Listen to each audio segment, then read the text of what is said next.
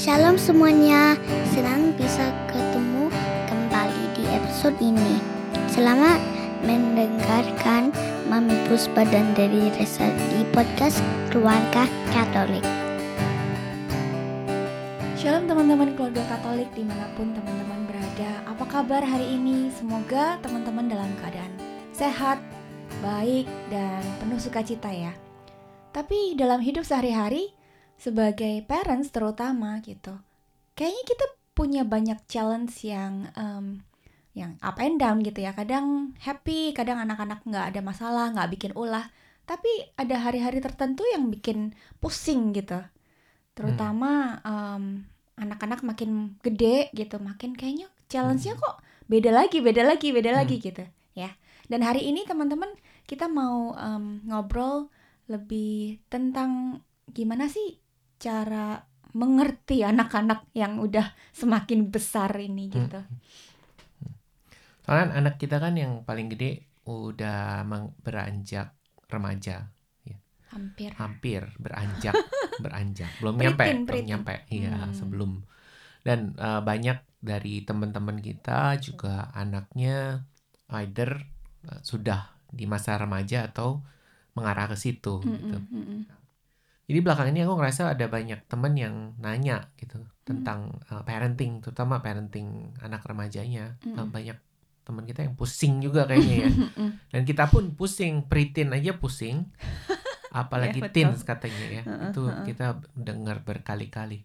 Jadi mungkin uh, ini kesempatan yang baik untuk uh, ngebahas gitu ya. Mm-mm. Jadi aku dan Puspa uh, kepikiran kita mau bahas tentang ya gimana sih cara jadi orang tua uh, anak-anak yang remaja. Dan tentunya kan beda ya dengan menjadi orang tua anak-anak kecil. Mm-mm, Waktu Gitu. bayi dan anak-anak yang lebih muda gitu, Iya, Heeh, yang masih oke nurut, yang iya. Heeh, sekarang mereka punya keinginan, punya pikiran sendiri. heeh. Nah di situlah ya tuh keluhan yang utama kan uh, kenapa sih nggak nurut lagi? Hmm, Dulu baik. Ngebangkang. Ya, Dulu baik ya. dulu baik, sekarang enggak. yang kedua, dulu kok dia mau ngomong ya sama aku, sekarang diem aja, maunya ya? sendiri. Hmm. Iya, diajak ngomong nggak nggak jawab gitu. I don't know. Iya. Heeh.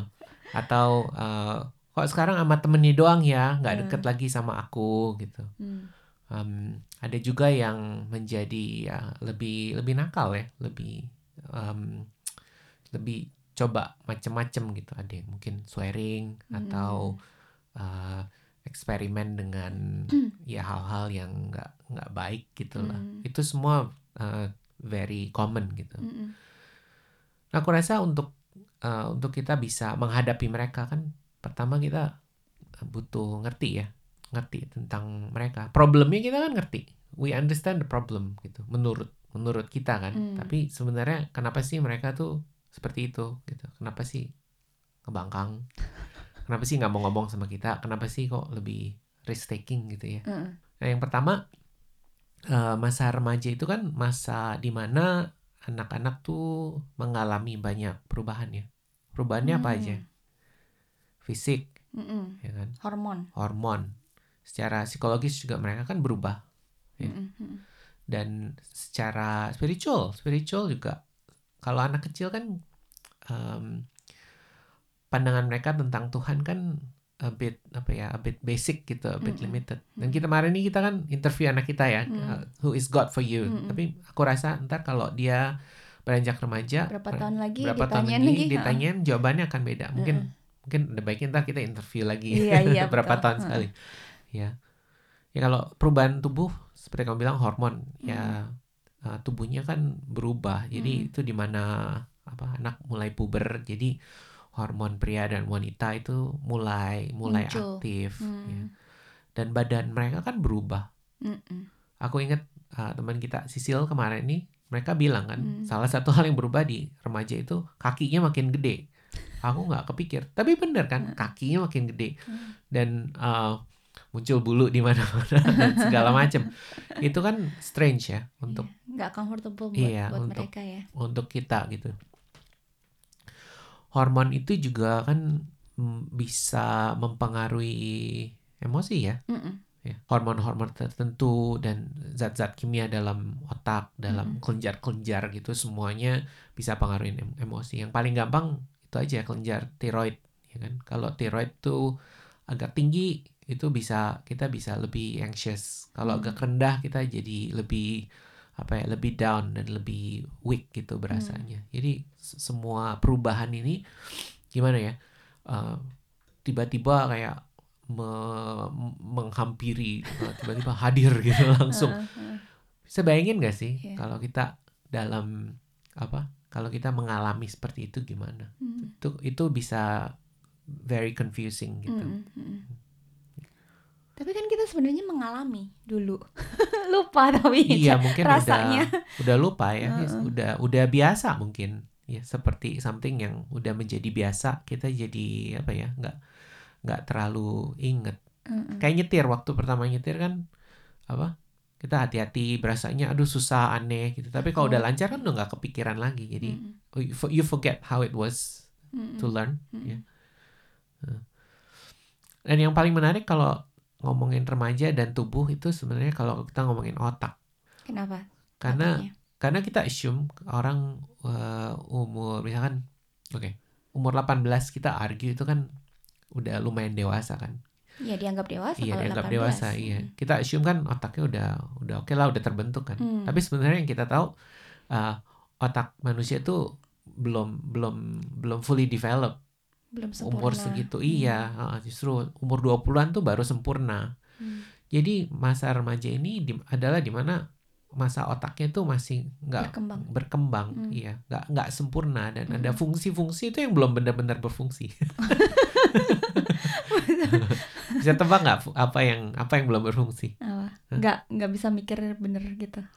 oh Maksudnya iya nggak berfungsi. fung- nggak berfungsi. ya waras sih waras yang nggak berfungsi tuh bagian otak depannya jadi bagian otak depan tuh di mana um, itu fungsi-fungsi self control jadi bisa Hmm. mengendalikan diri mengendalikan emosi bisa um, bisa me- memperhitungkan baik buruk dan resiko Mm-mm. perilaku kita itu semua di otak bagian depan Hmm. jadi contohnya misalkan uh, misalkan kamu mau marah kamu kan nggak langsung ngikutin marah itu dong Hmm. Ya. Hmm. kadang-kadang kalau marah misalkan I feel like aku mau tonjok orang itu kita kan bisa menghentikan diri Mm-mm. nah untuk remaja fungsi menyetop diri itu belum sempurna Hmm. jadi meskipun dia mereka mau kadang-kadang korslet jadi nggak nggak apa nggak nggak nggak mikir nggak bisa. nggak mikir eh, akibat gitu ya pokoknya Iya. panas panas tonjok aja tonjok gitu aja heeh. Ya. Oh, emosi juga gitu misalkan sedih aku nggak mau sedih kita kan bisa oke kita bisa do something buat calm down kan Hmm. buat uh, teenager lebih susah gitu Hmm. ya jadi sebenarnya uh, ya mungkin pakai analogi mobil lagi ya gitu itu seperti ya ada mobil tapi nyetirnya belum belum belum bisa Jago. benar belum jago gitu jadi mereka belajar untuk berkembang gitu ya Hmm. Em, hal lain yang masih bertumbuh itu em, itu identitas mereka ya dalam dalam hidup di dunia istilahnya Hmm, Ya. makanya orang bilang kalau apa remaja itu masih mencari identitas diri gitu ya iya heeh. contoh paling gampang gini kalau ditanya kamu kamu mau apa nggak tahu Mm-mm. Nah, itu salah satu sebab remaja juga kalau ditanyain suka nggak bisa jawab. Karena mereka nggak tahu. Mereka honestly mungkin masih belum tahu. Mungkin mereka misalnya tanya mau mau makan apa? Ya di apa nggak tahu. Oh my goodness. Ya kan? mungkin di pikiran mereka ya aku suka ini tapi aku suka itu juga. Ya aku nggak tahu sebenarnya yang aku paling suka apa gitu. Hmm. jadi eh, bingung. Buat mereka sebenarnya bingung. Tapi yang nampak bagi kita kan itu mengesalkan kan Mm-mm. kalau nggak ngomong gitu Mm-mm. ya Tanya sebenarnya apa-apa I don't know itu ya nyebelin Iya. banget iya heeh. Mm-mm. juga em, satu hal yang umum itu kan mereka lebih mau spend time sama teman-temannya ya kan Hmm. ya kan kenapa tuh gini hidup mereka kan selama lebih dari 10 tahun kan mostly dengan em, keluarga ya Mm. kan Hmm. kalau orang mau beranjak dewasa itu kan salah satu tugasnya tuh untuk bisa hidup mandiri ya kan setiap dari Oh, iya. kita kan ninggalin rumah Hmm. di Alkitab juga ditulis Hmm. menikah apa suami dan istri akan meninggalkan ibu bapaknya dan Mm-mm. ya, bersatu. bersatu Mm-mm.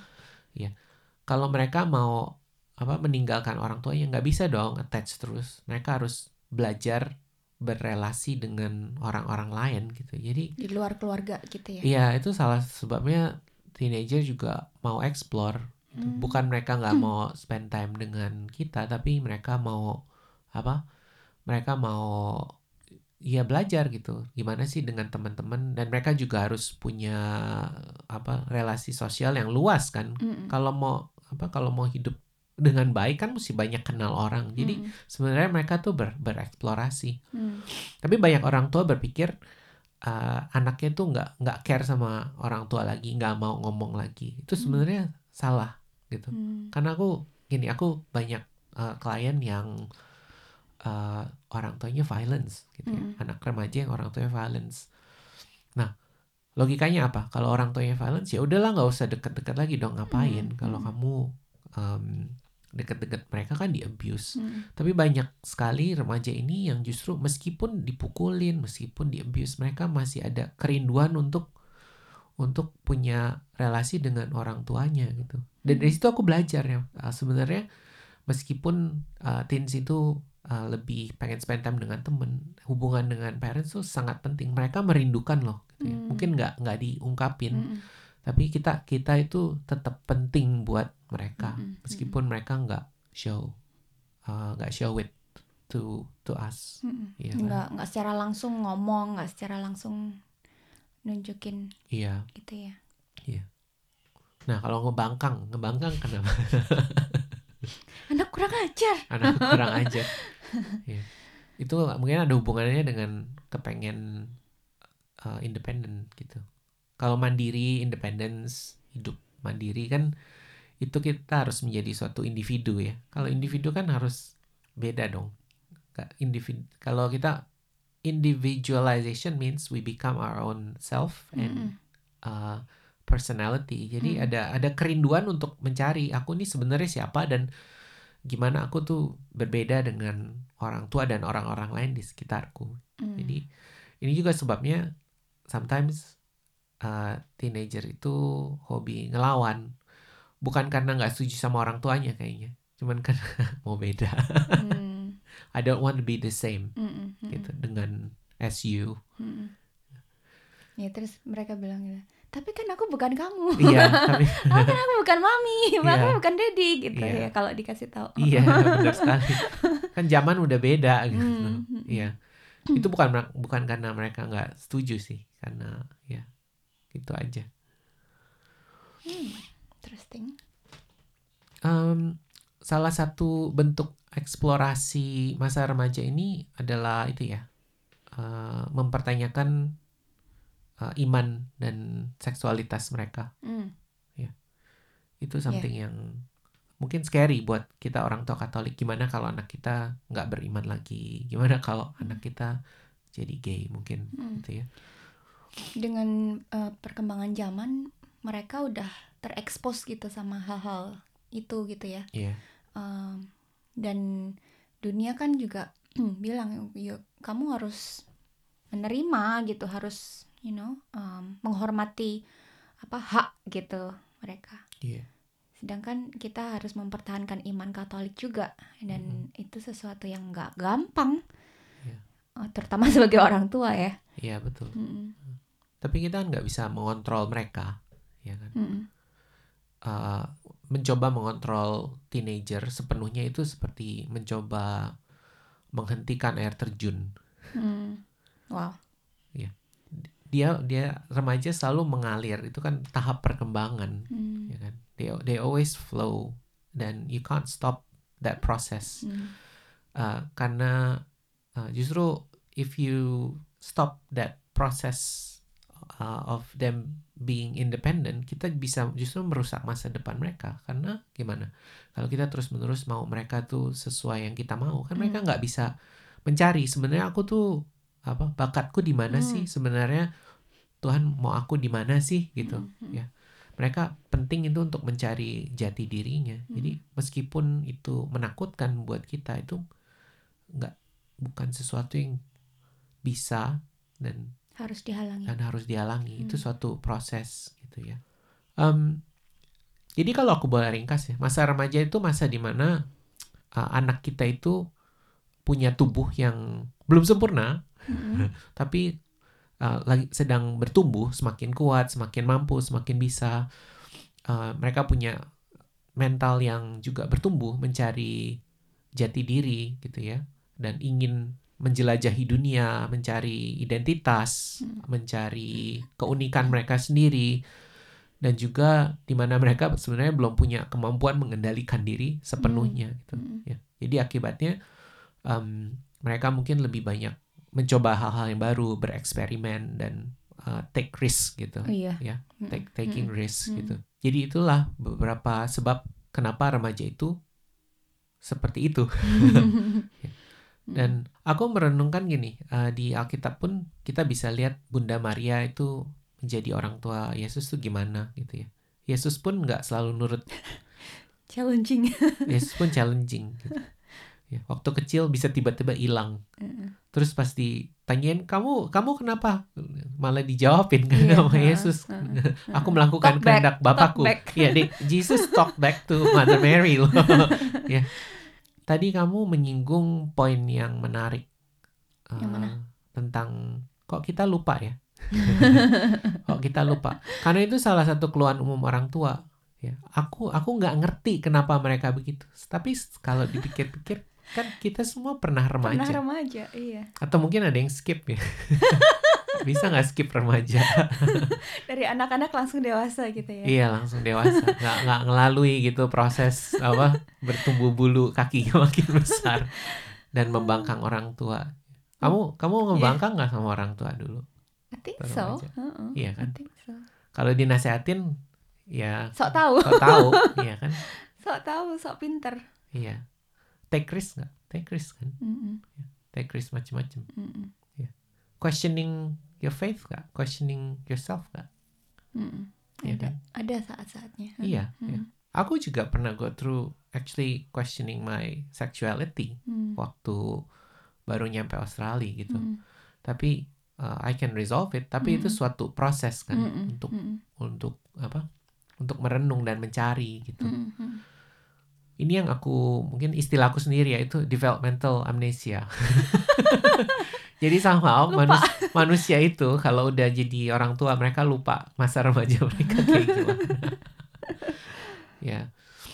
Um, Mungkin inget, tapi yang mau diinget aja. Tapi pas lagi em, masa-masa membangkang itunya nggak inget gitu. Ya, menurutku itu challenge orang tua yaitu untuk bisa uh, melihat dunia dari mata sang remaja dengan segala kesulitannya, dengan segala kebingungannya gitu. Kita cenderung untuk melihat dunia dari lensa kita sebagai orang tua yang udah stabil, yang Hmm, otaknya udah sempurna, yang udah nggak nggak mengalami semua itu.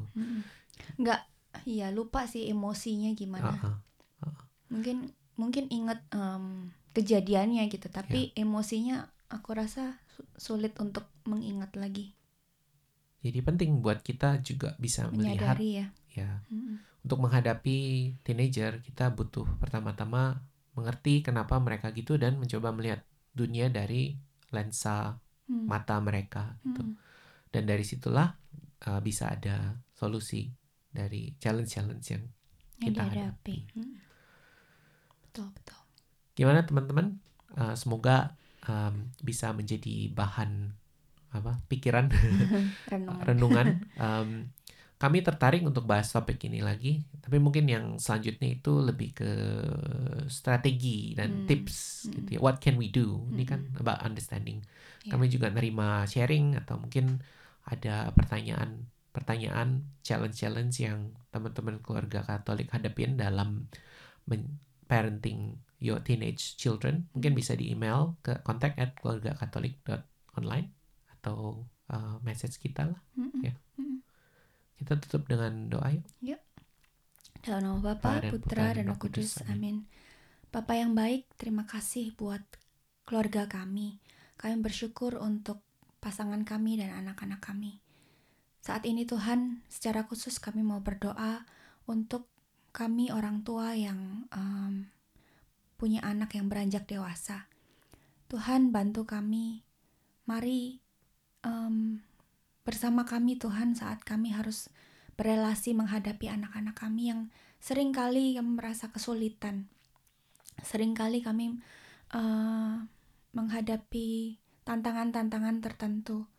Beri kami hikmat Tuhan sebagai orang tua untuk boleh mengerti, boleh memahami anak-anak kami sebagai individu yang unik, yang um, Engkau ciptakan dan Engkau cintai sedemikian rupa. Bantu kami untuk mengasihi mereka seperti Engkau mengasihi, dan uh, bantu kami untuk mengerti bagaimana menghadapi, bagaimana uh, membimbing mereka memahami dan mengingat lagi apa yang mereka lalui masa-masa sulit ini.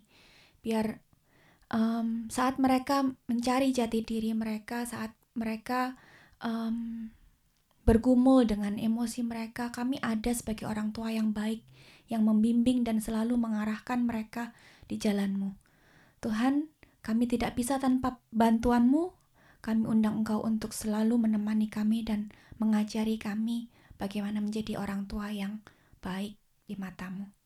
Kami mau serahkan anak-anak kami, kami mau um, percayakan keselamatan mereka, lindungi mereka Tuhan, dan biarlah um, mereka selalu berjalan di jalanmu yang benar, dan tuntun mereka kembali saat mereka mulai melenceng. Kami mau serahkan hidup kami, keluarga kami, anak-anak kami ke dalam tanganmu. Amin. Amin. Dalam nama Bapa, Putra, dan Roh Kudus. Amin. Terima kasih sudah mendengarkan episode kali ini. Pastikan untuk subscribe podcast Aku, Kau, dan Dia, dan kunjungi website kami di keluargakatolik.online untuk info dan tulisan yang terbaru.